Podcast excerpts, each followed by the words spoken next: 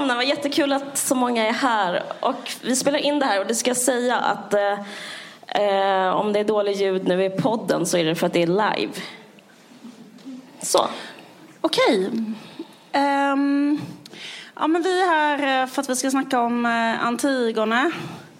Uh, och eh, eh, det är ju en pjäs som går nu på Dramaten, Antigone och Oidipus. Men Oidipus kommer inte prata så mycket om, kanske. Kanske. I alla fall, jag tänkte så här, fan jag kanske spoilar den nu för jag ska säga så här kort vad den handlar om. Alla som inte vill veta slutet av Antigone. Vi måste, jo, vi måste berätta vad den handlar om, annars så har inte jag något att säga. Den är skriven av? Sofokles har ju skrivit ner den. Men jag menar, är inte allt detta bara så gamla myter som liksom massa olika så har skrivit ner? Jag tror inte Sofokles har hittat på den, eller? Det tror du faktiskt jag. Ja, okay. Därom, det får vi se. så kanske det är. Jag tror, att, jag tror att det är som att han skrev ner en släktkrönika som har vandrat muntligt kanske. Som är lite så halvt mytologisk. Jag vet inte. Eh, det är inte därför ni är här ändå, eller? Får veta exakt eh, Sofokles eh, grej med Antigone. Nej, men grejen är så att den, den här eh, pjäsen den handlar om en familj, som, en kungafamilj som har styrt i en stad som heter Thebe. Och eh, deras pappa eh, Oidipus har eh, drabbats av ett fruktansvärt öde då han har liksom, av misstag dödat sin pappa och gift sig med sin egen mamma. Så han har liksom förintats. Men han har fyra barn som fortfarande bor kvar i slottet. Och även de eh, är liksom förföljda av jättemycket olycka. Det finns två söner och två döttrar. Och de här två sönerna har blivit jättemycket ovänner med varandra. Den ena har vänt sig mot eh, staden där de bor, Thebe, och eh, liksom, eh, eh, vad heter det, haft ett krig. Och de här bröderna har råkat döda varandra. Så båda bröderna är döda, så det är bara döttrarna kvar då. Och döttrarna heter Antigone och Ismene. Och då är det en kung där som heter Kreon som är kanske deras eh, farbror eller något liknande. Eh, Han var ju på eh, frus bror som Just tog det. över tronen när Oidipus stack ut sina ögon efter att ha... Då blir det morbror. Någonting sånt. Han bestämmer i alla fall att den ena bron, han som fortfarande var på eh, eh Tebes sida, han hette Eteokles. Eteokles. Han ska få en begravning för att han var liksom deras... Eh, han ska få en jättefin begravning. Bla bla. Men den här andra bron som heter Polynyktos, han som har liksom vänt sig mot TV. Hans kropp ska bara kastas ut och bli uppäten hundar. Och eh, ingen ska få begrava den och den ska bara liksom ligga där och ruttna. Och då blir liksom Antigone väldigt upprörd, den här systern. Och bestämmer sig för att eh, själv liksom begrava liket efter sin bror. Fastän det är förbjudet, för kungen, Kreon, har bestämt att ingen får begrava den här kroppen. Men hon gör det i alla fall, oavsett om hon får liksom dödsstraff och så. Och eh, då har det stått på den här eh, lappen, vad ska vi prata om? Då är en fråga, är, så här, är Antigone feminist? Och då frågar jag dig det, Caroline. Eh, är Antigone feminist? Eh, ja, det är först så tänkte jag när jag såg det att det var en fånig fråga. För att det var så här, men nu för tiden ska allting vara feminism. Till och med Antigone. Fast hon, eh, och varför ska hon vara det? Hon har inte ens gjort någonting för kvinnorörelsen. Det enda hon gjorde var att då begrava sin bror på ett värdigt sätt. Eh, hudkrämer, begravning, allt då är, ska det vara feminism. Eh, men eh, så tänkte jag lite till. Och det som är intressant med Antigones handling, som är intressant med om man kan göra analogi till dagens samhälle eller dagens feminism, är att hon gjorde någonting som var emot lagen. Och om man, hur man, jag tror att en definition av feminism är kanske att eh, kritisera rådande normer för att vilja ha ett jämlikt samhälle. Och eh, att eh, försöka störta normer, det låter liksom lite pompöst, men egentligen att så här, vill ha en slags liksom, revolution för att få en ny ordning. Så ja, jag skulle säga att hon är feminist eh, för att hon trotsade kungen och gjorde någonting utifrån en slags allmänmänsklig moral istället. Eh, och det är ju intressant för då kan man, kommer någon säga, som kanske läser filosofi, vad är moral och vad är rätt och fel? Och det vet man ju inte, men då får man göra lite så här, okej, okay, då får man ändå säga att okej, okay, vi kör på det här människors lika värde. Och det som händer när kungen säger alla här får en begravning förutom din bror, då, då upphäver han idén om människors lika värde. Och sen så att det står den här frågan just nu, då tolkar jag så här, men det är kanske för att det är i den här metoo-tiderna så, så kanske det är intressant att man vill veta så här, vad är feministiskt och vad är eh, vad är rätt att göra? För jag tänkte direkt på, och det var innan det här med där, att de här 500 skådisarna sa någonting om hur det var på teatern. Så det är liksom inte alls det de, det är inte det som eh, jag tänkte på. Utan jag tänkte på den här grejen med att bryta mot lagen för att göra rätt. Och liksom, när gör man det? Det gör man ju när lagen inte skyddar en. Och hela kvinnorörelsen liksom bygger på idén om att vi blir inte skyddade, men vi måste ha rättigheter. Till exempel, eh, och vad gör man då? Ja, men då typ ja, men jag vet inte, suffragetterna gjorde massa brott och liksom blev dödade och misshandlade och satta i fängelse. Men till slut så fick vi rösträtt. Så det finns liksom någonting, eh, även om inte liksom just att eh, det här med att begrava en bror är feministiskt, så finns det liksom faktiskt att begå brott skulle, kunna vara liksom en slags feministisk definition. Eh, uh, vad jag tänkte på nu, om man ska göra det lite så mer uh, till, liksom, till idag, så tänkte jag på det här med att uthängning, det är väldigt mycket så här, helt plötsligt väldigt många intresserade av juridik. Så här, är, det verkligen så här, är det verkligen juridiskt korrekt? Och det är ju inte det. Det kallas för tal att hänga ut människor och liksom, folk pratar om så publicistiska principer, men det är liksom men det är ju en sanning, men en annan sanning är att vi lever i ett samhälle där väldigt många kvinnor har blivit förtryckta. Och, och det här gäller inte bara kvinnor utan alla förtryckta grupper har alltid, har alltid använt sig av att bryta mot lagen. Jag tänker bara på så gerillarörelsen i Latinamerika eller liksom fan, arbetarrörelsen, jag vet inte vad som helst. Det finns ju ingen lag som skyddar dem. Därför, för att få en lag som skyddar dem så måste man bryta på lag, mot lagen. Så det är liksom moment 22. Uh, eh, så att, ja, jag skulle säga att hon hon är feminist. Ja, alltså jag läser så här, jag, simlar, eller jag försökte kolla på så statistik just när det ja. gäller så här, eh, sexualbrott och så. Ja. Och så är det liksom att eh, jag, jag, jag fattar inte så här, om, mm. jag, om det var så att jag på riktigt liksom missuppfattade detta för det lät så jävla jävla grovt. Men just så här, brottet sexuellt ofredande. Ja. För det är ju det brottet som metoo väldigt mycket handlat om. Att det är så här, sexuellt ofredande. Eh, det var typ, 2016 så var det typ 8700 anmälningar om det, eller något sånt där, i Sverige. Och det har liksom ökat ganska mycket de senaste åren, just mm. anmälningar om det brottet. Men då stod det så här att 3% av de fallen klaras upp. Alltså 3 Mm. Och jag vet så här, någon får jättegärna så här, rätta mig om jag liksom har fel i detta. Men alltså det är så fruktansvärt låg eh, uppklarningsprocent. Det, är en, det liksom berättar om en slags otrygghet. Ja men exakt. Och då är det ju en situation som är så här att för då skulle man kunna likna den situationen så, så här bara, mm. okej, då lever vi i ett land där det i princip är lagligt att sexuellt ofreda kvinnor. Mm. Vilket många verkar ha liksom tagit tillfället i akt. ja, men typ, exakt. Ja. Och då är frågan, vad gör man då? Därför att då är det ju så, då skyddar inte den här lagen tillräckligt mycket Nej. uppenbarligen. Utan så här, ska man bara då leva med att det är så? Eh, eller ska man eh, göra någonting annat? Och det som händer nu eh, är att man liksom försöker gå lite andra försöker vägar. Liksom gå lite ja. andra vägar. Mm. Och då har ju folk varit så här, ja men det är fel och man får inte hänga ut folk och hit och dit. Men liksom eftersom det inte går på något annat sätt så bara är ju det här liksom en, en väg. Liksom. Mm. Mm. Eh, så på det sättet kan man ju skriva in det i någon slags historia av så här, eh, kvinnokamp som liknar liksom, mm. de exemplen du tog upp om suffragetterna eller man kan säga abortrörelsen mm. eller eh, till exempel eh, Um, vad tänkte jag på mer? Eller ja, men, massarörelsen när Rosa Parks liksom satte sig på, på en plats i bussen där svarta inte fick sitta. Det var ju ett lagbrott liksom. Precis, och så vidare. Mm. Men um, precis. Uh, ja. Men sen så, jag vet inte, för sen kan man inte bara säga så heller att uh, alla lagbrott är feminism. Nej, det har du inte sagt. Nej, det kan man verkligen inte säga. Det kan man inte säga.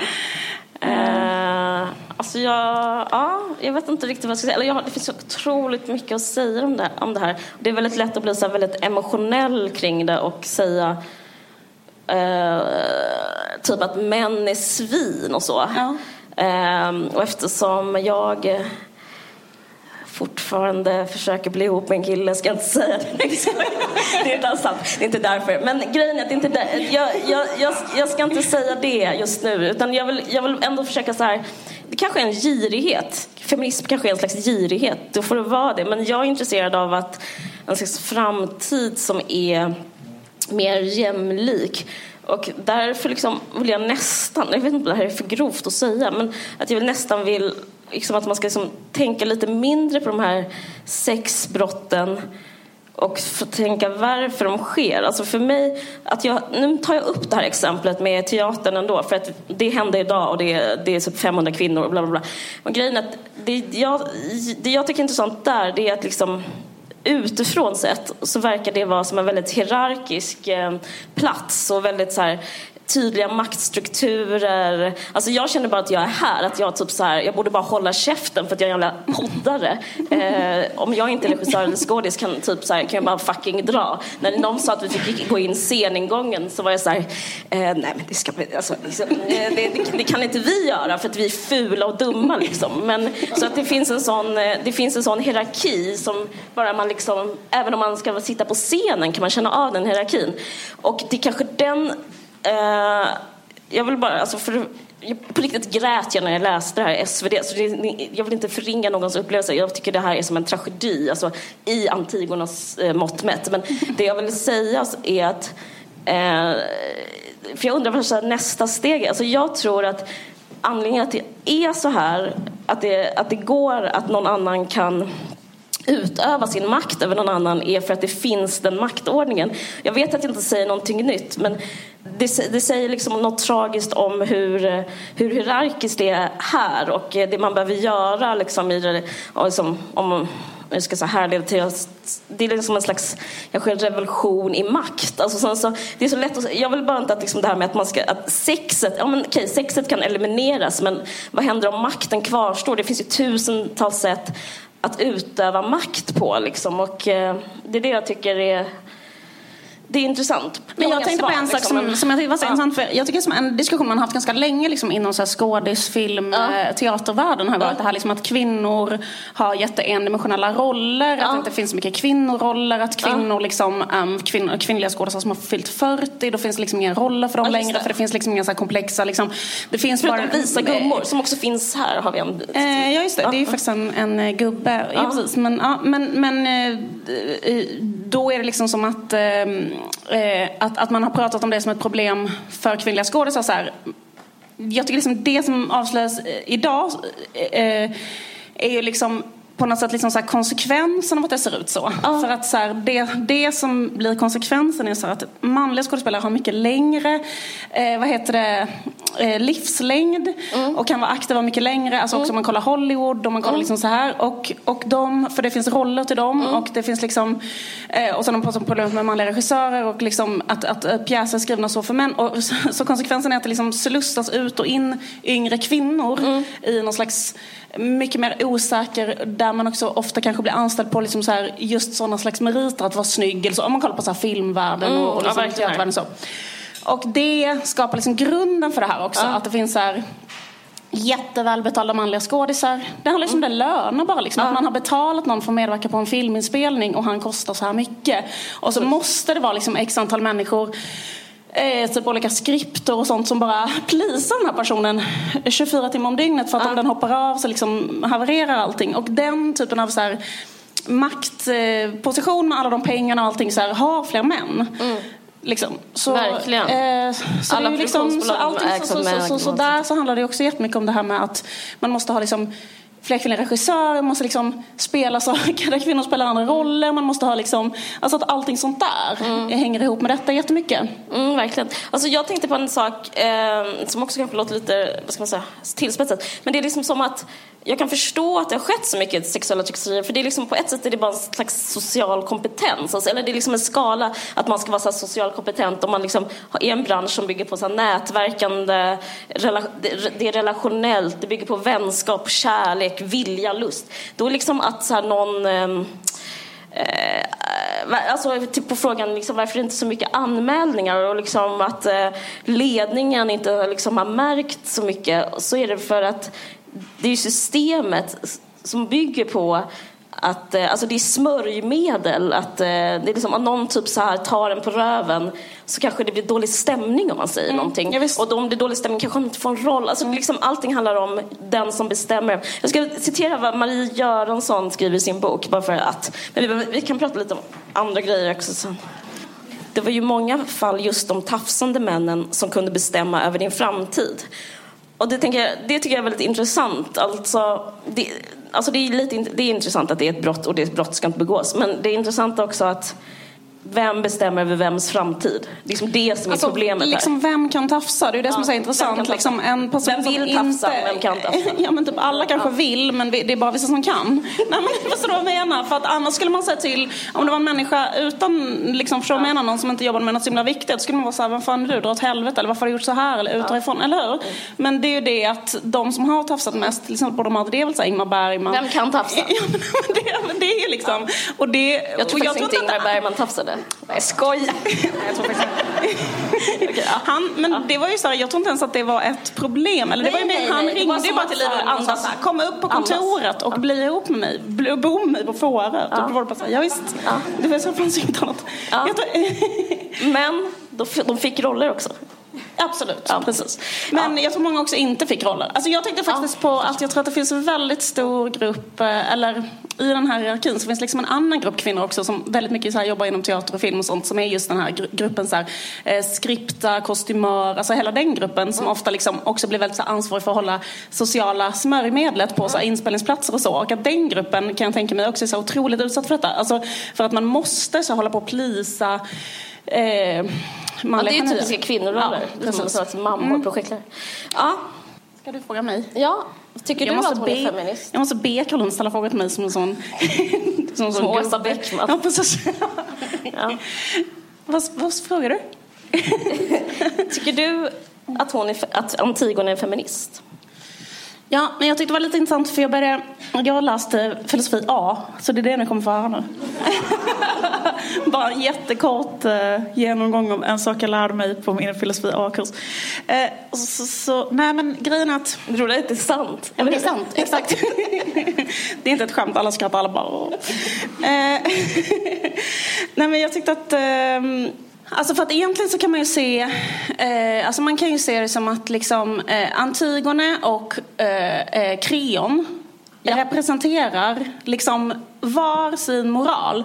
Båda två tycker att de själva Kung, har kungen rätt. Heter Kreon kungen heter Kreon. Kungen säger så här, det viktigaste är stadens eh, liksom eh, vad heter det, for, eh, fortlevnad. Att någon har liksom skändat vår stad och då måste vi som liksom befolkning i staden straffa den personen. Därför ska han liksom inte bli begravd utan ligga här. Mm. Men hon har en annan moral som går ut på att eh, det rätta är att jag är eh, syskon till den här personen och den personen eh, ska få en begravning därför att det är så här hon säger på något ställe så här, det är min mammas barn. Eller du vet, mm. alltså liksom att det är så här, i hennes familj så blir det liksom fel. Eh, så att båda två tycker ju att de gör det moraliskt rätta. Mm. Så det är liksom bara två olika sorters moral som liksom står mot varandra. Och eh, när jag läste filosofi så läste jag så en eh, gubbe som heter fan heter han? Lawrence Kohlberg heter han. Det är en schweizare, en psykolog. Mm. Som gjorde en slags um, studie. Inte jättekänd filosof. Super, superkänd. Men han, eh, han gjorde massa så här experiment på barns moralutveckling. Och så menade mm. han så att barn hade liksom, det finns så sex stadier av moral som alla människor går igenom. Mm. Och då liksom um, är det liksom det första stadiet det är bara så här, jag gör någonting för att ingen ska straffa mig. Typ så här. Mm. Anledningen till att jag inte tafsar på Marie Göransson är för att eh, i så fall så eh, kommer... kommer någon att skälla ut mig. Alltså det är liksom därför, inte för att det är fel på något annat sätt. Alltså, du vet. Och sen så går det uppåt där, alltså utvecklas man mer och mer. Och punkt tre på den är att man gör saker för att man ska vara liksom en duktig flicka eller en duktig pojke. Eh, och det är liksom att, till exempel i skolan då, jag stjäl inte för att jag har lärt mig att stjäla är fel och det har min mamma sagt liksom, så därför gör inte jag det. Mm. Men sen så liksom en, den allra högsta moralprincipen eh, är att man kan så laborera med så universella principer och så här, men stjäla är fel, tänk om någon stal av mig och vi måste ha ett socialt kontrakt i samhället eller någonting sånt där. Eller till och med stjäla är rätt för att det är så, alltså man kan liksom, bara det att man har liksom en eh, en annan en, en princip som man kan så laborera med själv. I alla fall. När han, Lawrence Kohlberg, gjorde de här undersökningarna på de här barnen så frågade han massa barn så här, eh, Han hade ett, hela tiden ett samma slags problem som heter Heinz dilemma. Och det var så här att eh, Heinz var en gubbe som hade en fru, frun var dödssjuk, hon behövde en medicin som inte Heinz hade råd med. Skulle han stjäla medicinen eller inte? Liksom. Eh, alla fall, då svarade alla pojkarna i den här studien. Eh, jo, men typ kanske liksom att de kunde liksom laborera med att så här, är en, hennes människoliv kanske är mer värt än, än äganderätten så att liksom det kanske skulle kunna vara rätt att stjäla i det här fallet och sådär. Men han menade att kvinnor var, eller flickor var liksom moraliskt underlägsna pojkar och aldrig utvecklade någon, eh, den här då liksom principiella moralprinciperna utan de alltid gick på relationer bara. Mm. Liksom. Och de stannade vid det här duktig flicka. De stannade vid så här, det moraliskt rätta är vad någon annan har sagt till mig. Mm. Alltså detta var ju på 60-talet då. Mm. Och därför liksom tog han slutsatsen att så här, kvinnor kunde inte vara liksom eh, tänka abstrakt kring så universella principer och så, utan de tänkte bara på så här, eh, relationer folk emellan. Liksom. Mm. Eh, och eh, då var det bara så här, high five på det, för vilken bra forskning. Men så fanns det en eh, feminist, en så här härlig gammal feminist som heter Carol Gilligan. Hon är inte så härlig egentligen, men hon, hon, hon skrev, hon, hon var så här, hon bara Nej, för det är så här att kvinnor har en annan... För det är som de här små flickorna sa i Heinz dilemma. De sa inte så här, gå in och stjäl medicinen. Utan flickorna, typ alla flickorna sa så här, kan inte man försöka prata med apotekaren och berätta för honom att frun är sjuk och man kan komma överens. Alltså, du vet, så här, de var, liksom, alla flickorna sa sådana saker. Eh, och, då, eh, eh, och då menar hon på att det beror på att Kvinnor har en annan slags etik som är, eh, hon kallar för omsorgsetik. Mm. Och den går ut på att det viktiga är det relationella och att ta hand om folk så att liksom typ, eh, ingen liksom far illa. Medan män har någonting som heter eh, rättviseetik. Mm. Som är att man har universella principer. Och det är faktiskt supertydligt i Antigone att liksom det som Kreon står för det är så här den här människan har gjort fel mot staden Thebe så han ska inte bli begravd. Så han står ju verkligen för den här rättviseetiken så att eh, han har faktiskt liksom anfallit vår stad. Så vad fan liksom. Medan Antigone står för omsorgsetik som är så här eh, skitsamma den här universala principen att man inte ska attackera vår stad för att det här är min bror. Mm. Och det är det viktiga. Um, så på det sättet så skulle man kunna säga att hon är feminist för att hon förespråkar eh, den här omsorgsetiken. Mm. Men sen så har ju eh, Carol Gilligan fått en massa kritik för det här mm. för det är väldigt särartsfeministiskt mm. och eh, det är ju liksom eh, eh Alltså jag vet inte om hon snackar om att det fanns en biologisk grund för detta. För det finns liksom andra feminister självklart som har sagt så här, det, här handlar liksom om sociala förväntningar på kvinnor och män.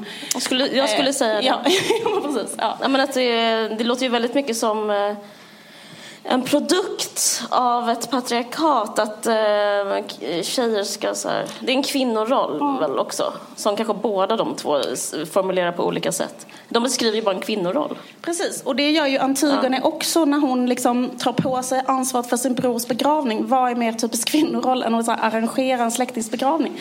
Exakt. Jag tror inte att en enda man i hela världen någonsin arrangerat en begravning. Nej. Eller, eller en baby shower. eller en baby shower. Ännu färre. Mm. eller ett bröllop. Alltså, eller ett, alltså mm. menar, eller, eller en middag. Eller en middag. Nej men det är sant. Nej, men det är det jag menar, det är bara liksom en, en kvinnorollsförväntan. Och eh, ett martyrskap som är, alltså det premieras ofta som kvinna att, att, att offra sig själv Ja, men jag vet inte, för det där är svårt. För att offra sig själv kan ju också vara en feministisk handling. Att liksom våga sätta sig själv på risk, så att säga, eh, för en högre sak. Eh, men att offra sig själv är också en typisk kvinnoroll. Så det, jag tycker inte det finns ett så här ett rakt svar. Nej, för sen, för, fast jag måste säga att jag tycker så här, alltså, även om man kan ha massa invändning mot den här idén om omsorgsetiken och jag tror absolut inte att den är så här baserad på biologisk grund men att det ändå finns en social konstruktion ja. i kvinnorollen som har gjort att kvinnor är mer benägna att syssla med relationella saker och med omsorg, med att alla liksom ska typ må bra i ett sammanhang eller försöka liksom få ihop olika saker eller vara liksom ett smörjmedel. Så att det också är något med det som, alltså, som kanske feminister i säg 20-30-talet i Sverige ändå liksom höll på med mer. De kallas ofta för särfeminister. Men jag tänker på så Elin Wägner till exempel, sådana människor. Mm. Att en sak som de höll på med jättemycket, det var ju så att vara mot krig till exempel. De var ju så här jätte, så här, jätte, jätte, jätte militanta så pacifister. Mm.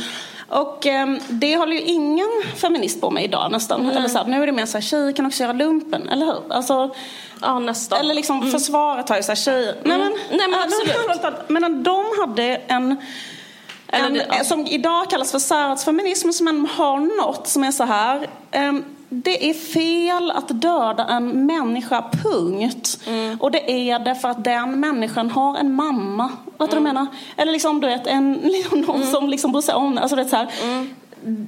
Och det räcker där. Alltså, sen finns inget mer att säga om saken. Alltså, mm, mm. Liksom, och det är ju verkligen en omsorgsetik. Mm. Medan liksom, kanske rättviseetiken skulle vara så här. Ja, men du vet, det här landets intressen, eh, liksom, den här soldaten har deserterat mm. och det får man inte göra för vi har kommit överens om de här lagarna så då kan han arkebuseras. Liksom. Mm. Eh, men då kan jag faktiskt sakna liksom, lite grann den här, så här omsorgsfeministiska grejen som bara är så här Eh, för liksom, ibland tycker jag att det känns som att man liksom att, att, att eh, när man håller på så jättemycket med den här likhetsfeminismen att det blir som att kvinnor bara ska här, gå med på alla mäns grejer och bara vara exakt lika bra som män på mäns liksom, sjuka uppfinningar om vi pratar om krig, liksom alla de här grejerna. Mm. Att man liksom inte blir lika radikal då också. Ja, det är möjligt. Ja. På ja. ett sätt. Ja. Ja. Nej, men det är intressant. Vad tycker du om eh, systern Ismene? Han har vi inte pratat om. Du kan berätta vad hon uh, gör i. Eh, Ismene, de, de är fyra syskon. Eh, Polynikis, vad heter det, och han, den andra. Theokles. Eh, Antigone och Ismene. Ismene är den minsta systern. Och hon är faktiskt den mest tid... För grejen är att Antigone är så här, vi ska, vi ska begrava vår bror, fuck kungen, vi ska, göra, vi ska ta lagen i egna händer. Är du med mig eller är du emot mig? Säger hon till Ismena. Då är Ismena så här, eh, jag tycker det är jättejobbigt, typ, jag vill inte typ, att någon blir arg. Typ, så här. Ja. Eh, måste jag ta ställning? Och så tar hon inte ställning och bara, eh, jag väntar här medan du begraver. Något sånt där. Och då så, eh, det är väldigt, eh, jag tycker det är väldigt intressant. Alltså hon på något sätt känns som den mest moderna i hela eh, Antigones liksom, berättelsen. För att för det känns som olika ideal som representeras. Och så att det ena är framtidens ideal och det ena är dåtidens. Jag kan tänka mig att förr i tiden, alltså kanske också min romantiska bild av förr i tiden, det kanske fanns jättemånga så här bisittare och soffpotatisar i antiken. Men jag tänker liksom att det fanns ett ideal som var så här Ursäkta, vad sa du? Jag tar det. Låt oss gå ut och slåss om det här. Liksom. Ja. Eh, att så var det, liksom, ja. att vara eh, en bra människa. Jag tar människa. livet av mig för att no, liksom, All, något paj alltså, har romantisk hänt. heders... Ja, liksom, jättemycket så. Eh, så jag kan känna igen mig jättemycket. Alltså, jag kan verkligen förstå att man vill begrava sin bror och gå mot ja. kung. Skulle gjort det alla dagar. Liksom. Men i Smene, hon är så här, ah, men jag vill inte bråka, typ, jag orkar inte, typ, jag sköter mitt. Eh, och det tycker jag är så intressant att eh, vad som utgör en modern människa. Att hon har det här eh, att hon vägrar ta ställning. Och det är liksom någonting, alltså det är, det är någonting annat. Alltså det representerar typ, vad ska man säga, eh, alltså någon en slags individualism kanske. Så här, vad är skönast för henne? Alltså det passar inte alls ihop med den grekiska så här, tragedin och mytologin. Så här, eh, typ, vad skulle typ vad är minst jobbigast? Alltså sådana frågor ställs aldrig. men, eh, men det gör hon. Och det känns som väldigt så här som människan idag jättemycket så här, vad är minst jobbigast för mig? Ja. Eh. Hon ställer en sån, fast egentligen då har den frågan alltså funnits ända sedan antiken. För ja. det är bara det att ingen har liksom uppmärksammat henne så mycket. Annars Nej. hade hon kunnat vara så här ett sånt moraliskt dilemma. Så här, vad är minst jobbigt för mig, människan? Ja. Men hon där och då, ja. i den här pjäsen, så blir hon ju förloraren. Hon blir så här, ja. Eh, hon, hon förlorar till slut alla, alla hennes syskon bara Ja, dör. Hennes ja. föräldrar är döda. Eh, och hon typ så här måste umgås med den här jättekonstiga kungen till slut. Det är så här jätte, jättejobbigt för henne. Eh, men, eh, men i dagens, eh, om det skulle, Antigone skulle skrivas idag kanske Smene skulle vara så här, nu bor hon faktiskt eh, bor i Vasastan. Typ, allt är jättebra, alltså, så här, allt bara rullar liksom för Ja. henne. Eh, hon typ fick ett bra jobb som hon. För att hon har varit så här anpassningsbar. Men ja. alltså, egentligen skulle man säga om det finns någon sens moral i den här pjäsen så är det ju liksom att gör inte som i Smene. För att liksom, det, Mm. det är liksom så att, att hon blir liksom förloraren för hon tar inte ställning för någonting. Nej. Hon står inte upp för sin egen familj, sin egen heder. Hon står inte ordentligt upp för den andra för liksom, idén Nej. heller. Utan hon försöker bara liksom, och det, det slutar med att hon, hon liksom blir en, en total förlorare. Så på det sättet kan man också säga att det kanske finns ett slags liksom feministiskt eller någonting budskap i, i, i pjäsen så här i efterhand som handlar om att så här, du, det, det, det rätta är att liksom ta ställning och liksom eh, tro på någonting. Mm. För då har du i alla fall liksom din egen så här, heder kvar. Annars Men har det du tycker jag liksom känns omodernt. ingenting. Typ att man tror på det. Nej, nej, jag tror ingen tänker så. Alltså, Nej. alla tänker bara så här, typ, mitt personliga varumärke, Ja. hur ska det gynnas av jag tror det också. jag ska göra? det? Ja. Nej, men jag tycker det är intressant med Smenen. Ja. Ett fint namn också. Superfint. Det är bättre än eh, Polyniktos. Ja, precis. Det, alltså, jag menar, det har större potential att bli ett populärt babynamn Ja. idag. Ja. Pratar du? Det är så.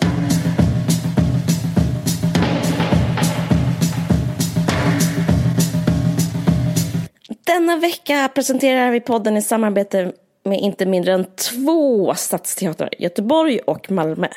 Just nu spelas Ni kan kalla mig Ernst på Intiman eh, på Malmö stadsteater. Pjäsen, pjäsen handlar om Victoria Benediktsson som under pseudonymen Ernst Ahlgren skrev skönlitteratur. Hon var en mycket erkänd och läst författare som man. Mm, pjäsen spelas fram till 2 december och ni får 25% rabatt på biljettpriset. Uppge Liv och Caroline i biljettkassan eller på hemsidan vid beställning av biljetter. Bor du i Göteborg kan du till och med 23 november se Utvandrarna. Svenska Dagbladets teaterkritiker avslutar sin recension av pjäsen så här. En mångfacetterad skildring som på flera plan vill tala om migration, oavsett tid, form och nationalitet. Med fantasi, humor och allvar och stor berättarlust framför ensemblen historien Karl Oskar och Kristina på Göteborgs stadsteaters stora scen. Sista föreställningen ges som sagt nu i november, så snabba er att uppge Liv Caroline i biljettkassan så får du 25% rabatt. Vi vill också passa på att informera alla studenter på alla stadsteatrar eh, att det finns bra studentrabatter. Man hittar mer info om priser och föreställningar på respektive hemsidor. Så vi tackar Göteborg stadsteater och Malmö stadsteater för vi fick vara med att eh, samarbeta med er den här veckan. Tack så hemskt mycket. Det är en ära. Ska vi gå vidare Ja, vi gör det. till Carl Philip och Sofia? Ja men precis, jag ska läsa upp. Snart se hur ska vi fan ska vi komma in på det. Alltså det här är ju en tragedi. Ja. Eh, genren. Och ehm, det var ju liksom en populär liksom så här mainstream-genre eh, för de gamla grekerna. Att någonting bara var ödet har bestämt att liksom något otroligt tragiskt ska ske, alla ska dö. Liksom. Eh, och eh, exempelvis så säger de så här i pjäsen. I framtiden såväl som i det förflutna, imorgon som igår, finns en enda lag som gäller och består. Ingen dödlig framlever sitt liv utan lidande. Bäst vore att aldrig vara född och näst bäst är att genast återvända till den plats man kom ifrån. Så liksom bäst är ju inte att vara född och andra är liksom vad heter det, plötsligt spädbarnsdöd typ. för en själv liksom. För då slipper man livet för att allting är så jävla fruktansvärt. Och um, så är ju liksom vibben i liksom typ så himla mycket, stor del av deras här litteratur. Och eh, det känns ju som eh, en grej som vi liksom inte håller på med i vår kultur, inte på det sättet i alla fall. Nej. Eh, alltså typ att så här, eh, det finns liksom inte det kanske finns liksom enstaka exempel men så här filmer eller sånt I mainstream-kulturen i alla fall så finns det inte tragedi som en sån eh, popcornunderhållning. Det Nej. finns mer, då är det alltid ett lyckligt slut. Precis. Det finns ju liksom i eh, mer så highbrow, alltså till exempel Nobelpriset har ju fått kritik för så här, ah, svårt att skriva ta ett Nobelpris. Man skriver någonting att alla bara mår skit och sen så dör alla i slutet. Alltså ju, I USA finns den här diskussionen. Just det, du Eh, berättade för mig. ja, att någon eh, har skrivit en sån... Eh, liksom en, ja, Kri- kritik, mot kritik. Nobelpriset. Hur man liksom, att alla liksom att, att det är bara så tjurlitteratur liksom. Eh, att det är, så, det är så man får ett Nobelpris. Så det anses väl inte som mainstream kan man väl, eh, Nej. utan det finns ju liksom någonting, alltså det får inte riktigt plats som, som en del av, i samhället kanske, Nej, eller del precis. av kulturen det här. För det som jag tänkte, liksom, Van- vanliga. eh, också liksom någonting som kanske också på något sätt kan eh, räknas som en, som en del av det här med tragedi, det är liksom den här, så här otroliga fatalismen eller så här tron på ödet. För det är också något som är tragiskt med det, som är så här att Allting är förutbestämt. Liksom för Oidipus till exempel, ditt liv kommer bli helt fruktansvärt. Det bara är så. Vad du än gör så liksom kommer ingenting att ändras och Nej. sen så dör, dör du och Ja. du kommer göra fruktansvärda saker. Försök du att ändra på det. Ja men precis, och det går inte och sen så bara, ja. Men i vårt samhälle idag så är det ju liksom, liksom skulle jag säga att det är tvärtom. Och det blir värre och värre och värre och värre med den här, så här sjuka så här positiva normen. Att liksom ingenting får vara Verkligen, negativt. det är så här Alltså- fackcancer. Ja men exakt, så- men exakt precis. Och, och liksom att, eh, och, och, och, liksom, och, jag, och jag tänker att det har, att göra med jättemycket också med liksom nyliberalismen och alltså de här liksom senaste 30 årens ekonomiska utveckling. Att man måste hela tiden vara så här eh, self-empowerment, liksom hur man själv tänker kan ändra allting. Eh, att det är liksom hela den vibben hela tiden. Och i det sjuka eh, positivismen så finns liksom inte negativitet, får inte finnas liksom. Eh, och eh, så, jag läste på vägen hit i tidningen QP och då såg jag ett exempel på detta. Eh, när liksom även saker som är negativa, som är negativa, får liksom inte vara negativa. Då handlar detta om att eh, Carl Philip och Sofia har Men det är liksom fobiskt nästan. Precis. Hållet på något ja, precis. De har startat en, eh, en, en, en, fond som ska stödja folk med dyslexi. Mm. Det är bra, det har jag ingenting emot. Eller? Jo, det. I dagarna så är de aktuella med kampanjen Vi är dyslexialand. Det är för sig konstigt. Men de har gjort ett har stavat fel. Nej. Ja, men det gör det självklart. Nej, men de har gjort ett eget land som heter eh, Dyslexialand där det finns så här, eh, det är liksom, jag antar att det inte är de som har hittat på det. De borde ha anlitat en annan PR-byrå. Men då, då säger de så här, vi vill lyfta upp förmågor. Idag sätter vi diagnoser efter det vi har satt som norm i samhället. Vi vill bryta det här och visa att man tack vare sin dyslexi har enormt många fördelar, säger prinsessan Sofia. Och sen säger hon så här. Eh, när man förstår att man inte är sämre än andra utan att man är unik, då är dyslexin en superkraft. Eh, nej men liksom att... Vad, vad då för superkraft?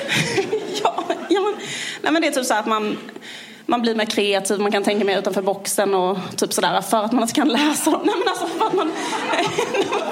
då måste man tänka så här, hur ska jag då... Ja men då kanske man får be någon annan läsa tidningen för en. Ja, men liksom... Men kan inte, men alltså kan inte, jag, jag vill verkligen, verkligen inte göra det här till att Nej, tycker nej, det är- jag- jag frågade på nej, riktigt Exakt, men grejen var. är så att Ja. det är svinviktigt. Liksom att jag, men det är, så, det är liksom någonting som är just det där fobiska. Att så här, man får inte säga så här. Eh, jag har dyslexi och det är, är att han, eller det är som det gör mitt liv mycket jobbigare. Utan det är så här, nej, det är en superkraft. Det Det, är har vi ju redan håller med. haft.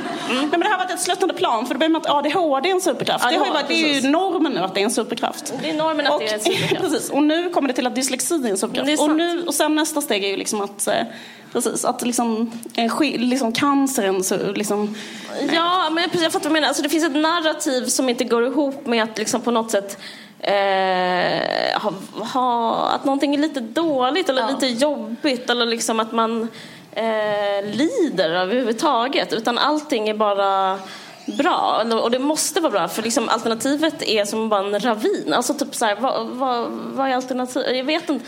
Alltså det, ja, jag håller verkligen med. Alltså jag tänker mycket på det där med ADHD är min är min superkraft. Det kan ju vara att det är jobbigt att ha ADHD också. Men då är, det att man, då är man en dålig människa om man har det jobbigt. Eller vad, jag Men jag inte. tycker så är konstigt att en, en, en sak som verkligen liksom jag tror stämmer med de här Mm. diagnoserna då som har börjat komma mer och mer.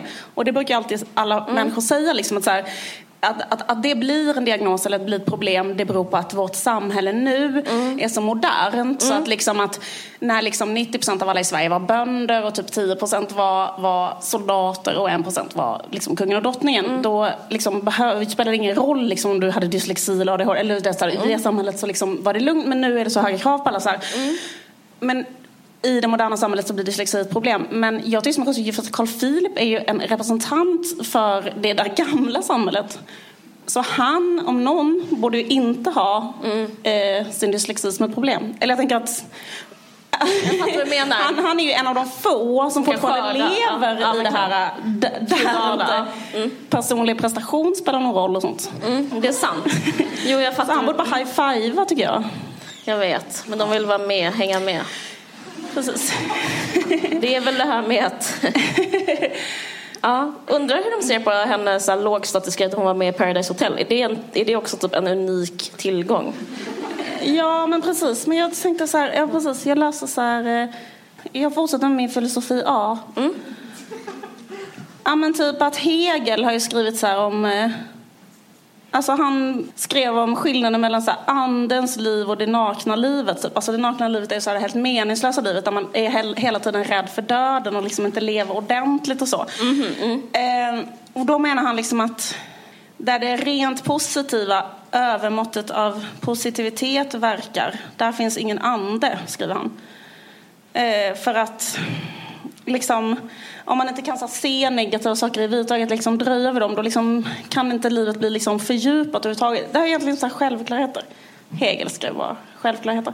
Mm. Men jag bara menar att i vårt samhälle idag så är det någonting som blir så jävla konstigt med det. Att det är så otroligt så tabubelagt att någonting skulle vara till exempel en tragedi. Mm. Eller att någons liv är helt fackat och mm. aldrig kommer att ändra sig. Mm. Liksom den typen av jag tror inte det liksom får plats riktigt Nej. mera. Att liksom det finns, jag bara tänker på så hur psykologin ser ut. Alltså liksom det som landstinget ger är ju aldrig liksom, det är liksom psykoanalys helt borta och eh, psykodynamiskt. Man får KBT för att man måste liksom bara må bättre eh, och bli lite gladare. Alltså det, jag tror det handlar om att överleva. På ett sätt liksom är det som att kanske, kanske tecken på att det var liksom det fanns ju slavar då på Antigones tid och sådär. Men jag, bara, det jag tänker på att, att det, det är lite hårdare nu. Att det, det får inte plats med ett handikapp, det får inte plats med typ en sorg, det får inte plats med eh, liksom någonting. Eh, jag vet inte. Samtidigt finns det en trend som jag tycker så här, vi måste prata om psykisk sjukdom. Jag vet inte hur man placerar den trenden. Ja, precis. Men är inte det... Kan inte, är inte det också att vi måste prata om superkraften psykisk sjukdom? Nej, men jag vet inte. Men det ja, men finns typ ju någonting psykisk... som är att vi ska precis. in i samhället Exakt, igen. Det finns en men... slags rörelse ändå. Precis. Men det finns ändå ingen, alltså jag tänker på den här totala så här, tragedin eller den totala negativiteten eller att tänka så här att det är så här verkligen mycket, liksom leva på något sätt helt medveten om att liksom mm. döden eh, kan hända eller har hänt. Liksom den, den, grejen är liksom, den, den upplever jag ändå som att den inte är mm. okej. Okay. Men alltså, det har med prestation att göra, att liksom det, ja, är dåligt. Eller att då ska du ja. med hjälp av liksom egen kraft vända det. Mm. Så det är egentligen den totala motsatsen till vad de här grekiska mm. tragedierna lär ut. För då är det så här, allting är förutbestämt och mm. det kommer gå åt helvete och du kan inte göra någonting. Mm. Och här är det så här, allting är jättepositivt, du kan göra vad som helst. Du, mm. liksom, mm. så, här, så vi lever liksom en sån spegel, mm. skräckfylld spegelbild som typ är lika jobbig som det här. Mm. Verkligen. Nej, kanske inte. Eh, ja, det är sant. Ja. Eh, det om det. Det om det. Ja. Eh, vill, vill du prata om eh, Oidipus eller? Ja. Eh, vi kan säga att eh, vissa framträdande, framträdande män gillar den här myten extra mycket. Freud. Ja, just det.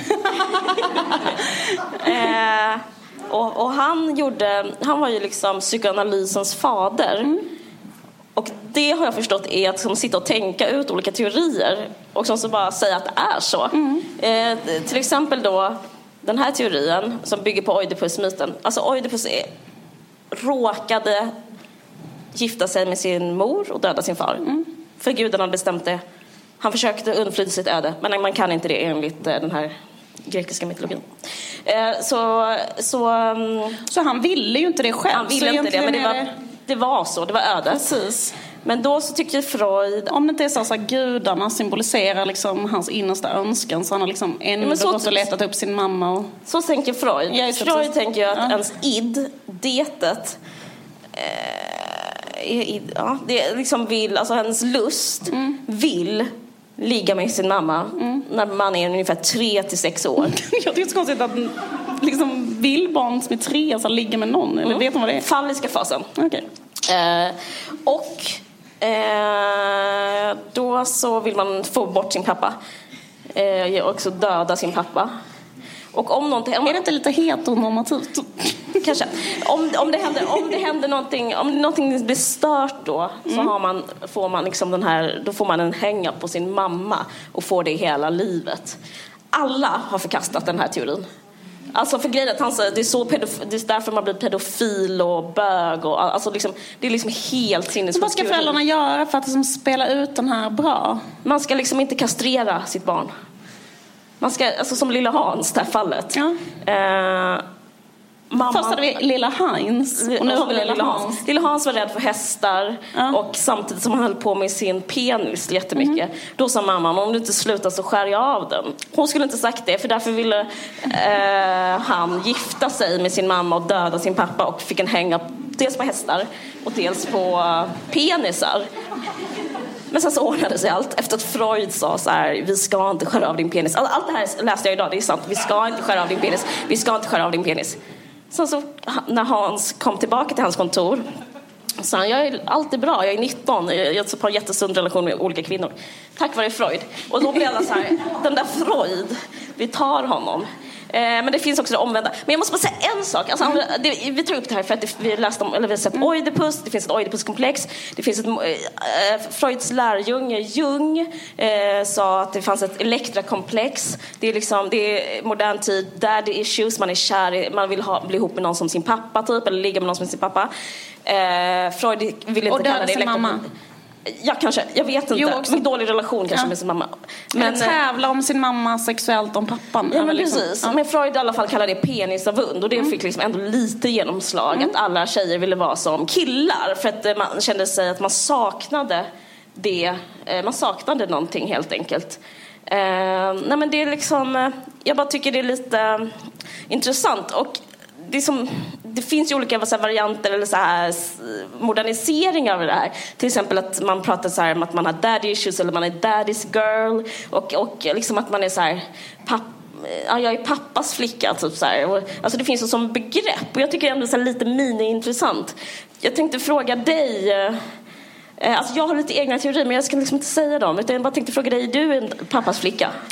Ja, alltså grejen att jag läste det här och, mm. och, då, och då hörde jag att det är, liksom, det är förkastat av alla, mm. precis som du säger. För det är ju lite som att han bara läst den och bara mm, alla vill ligga med sin mamma och döda sin pappa, alla pojkar. Och sen finns det typ ingen evidens för det. Utan Nej. snarare tvärtom så visar ja. all forskning att incest är så ett jättestarkt tabu som liksom evolutionärt ja, Biologiskt tabu. Exakt, så att ja. ingen liksom vill eller liksom att, att, att, folk som liksom uppväxta med varandra vill aldrig eh, ligga med varandra tydligen. Eller det, det heter någonting, the Westerberg effect eller Exakt, sånt samma sak. Ja. Men, okej, okay, så då är alla överens om det. Bara, vad är det för skitteori? Sen görs forskning som visar så här. Eh, tjejer blir dubbelt så ofta ihop med en kille som har samma ögonfärg som deras mm. pappa. Ja, visst. Eh, som att inte. Det finns bara två ögonfärger å andra sidan. Mm. Men nu ska jag säga en sak. Det är att jag tror aldrig att jag varit ihop med någon som har bruna ögon som min pappa hade. Jag fattar. Så därför betyder det att jag är off the hook. Eller rasist. Men du, nazist. Men du, ja okej, okay, så, att, så, eh, så att du, eh, så, så, du, eh, du är inte daddy's girl? Nej, alltså enligt det här är ja. det bara. Men okay, det är men du. Kan jag, jag, kan, nej, men jag kan ändå säga en sak som kan göra det lite mer intressant. Jo, men jag är det. Jag ja. kan man säga det ändå. Ja. men för vi pratade lite om det här innan och då tyckte jag vi hade en intressant diskussion som är så här, ja det är klart man är daddy's girl för För alltså, som, om vi ska bara stipulera, vi bor, vi bor vi, vi lever i ett patriarkat. Eller så här, killar har det bättre. Killar bestämmer vem som får tafsa. Mm. Och då, att vara daddy's girl, det är liksom att vara så här, jag vill göra det pappan gör. Jag vill ha privilegierna som killen har. Alltså det har inte så mycket att göra med sexualitet och lust och pappan, utan mer så här att kanske tråkigt att vara en duktig tjej som bara ska vara söt. Det är kanske är roligare liksom att här, ta för sig av världen och livet. Men, det, den typ, men Freud verkar liksom inte ens ha en maktanalys eller en, absolut ingen könsanalys utan han är bara så här att allting handlar om olika sexualdrifter. Men man, man är, jag är också daddy's girl för att liksom, det typ den som pratar runt ett matbord är pappan och mitt alternativ att vara mommy's girl är att vara tyst. Så att det, liksom, det handlar väl om den typ av vad som är roligast i livet, eller liksom vem som har det bäst. Och tyvärr så verkar det vara som att männen har det bäst. Ja men precis, men det är ju ja. det som är grejen. Alltså med penis av under till exempel. Ja. Det har ju liksom jättemånga ja. feminister sagt att det kan ju vara, det må ju vara hänt att han har iakttagit att små flickor har varit avundsjuka på pojkar mm. i början av 1900-talet. De förstår Flickor inte gå i skolan liksom. Ja, precis. Ja, precis. Bara, klart de är avundsjuka. Ni vill ha en penis. De bara, ja. Vi vill lära oss läsa. Ja, men exakt. Precis. Mm. Men, men det roliga är att ja. motsvarigheten är ju då kastrationsångest. Så det är ju liksom ångest för att bli en flicka och det kan man ju också förstå. Ja, verkligen. liksom. Den har ju jag. nej men det är jättejobbigt. Du har kastrationstänk. Ja precis. Ja. Um, nej men det är väldigt kul också därför att så här, Oidip, liksom, fast faktum är att nu i den här texten om ja. kung Oidipus då säger ju en person på scenen så här, det här med att vilja ligga med sin mamma, ja ja det vill ju alla. det är typ, underbart. som en sån... Eh, så, det, så, det vet det, alla typ. Ja men precis, så det kanske var det som liksom Freud plockade upp på och var så här, ja ja, eh, ja. fan vad normalt. Eh, och, och liksom så här, det här ska vi inte skämmas för längre, high five. Liksom, eh, high typ. five Sofokles, för det säger ju något om ja, Sofokles. Säg något om Sofokles och, och Freud. Freud. Men kanske bara om de två. Ja, för Freud, nej, men Freud eh, som jag, för jag började så plugga här nu och då var det då, ja, det visade sig att Freud hade en amma. Mm. Så att han fick aldrig träffa sin mamma. Så det är, det är klart att han blev intresserad och liksom ville komma nära. För det, det, är, så, det är en klassisk olycklig kärleks... Alltså det är en dålig anknytning som skapas i det. Att Precis. Man, man, man vill dit och man blir needy. Alltså det finns ju hur många forsknings... Alltså det kallas, liksom, vad fan heter den? Ambivalent anknytning, det heter något sånt där. Ja men precis, eller ja. undviken, eller nej. nej men om hans mamma, men grejen i och med att han var helt och hållet så himla lite av, så man vill ha det mer. Precis, han var, väldigt, ja. han var helt uppfostrad av sin amma. Ja. Eh, och eh, därför träffade han bara sin mamma ibland. Så när han träffade sin mamma så sa han åh, snygg tjej. Typ. Kanske, men lite, lite, lite. Kanske Sofokles också. 100% eh, tror jag Sofokles hade det så. För att kunna tänka dig antikens Grekland, alltså han var ju lätt uppfostrad av typ en slav och så var hans mamma. Eh, tror du inte att de bodde i så här, jo. sådana typ eh, hitta på hur det var på antiken. Mysigt inrätt. Men jag tror att slavarna tog hand om Sofokles och sen så någon gång träffade han sin mamma. Mm, och det kanske en klassfråga. Precis, mm. det, det, tror jag faktiskt. Att det kan öka Oidipuskomplexet om mm. det blir mer och mer så nu i samhället. Det kan vara ett överklassproblem. Mm. Exakt, mm. precis. Så. Um...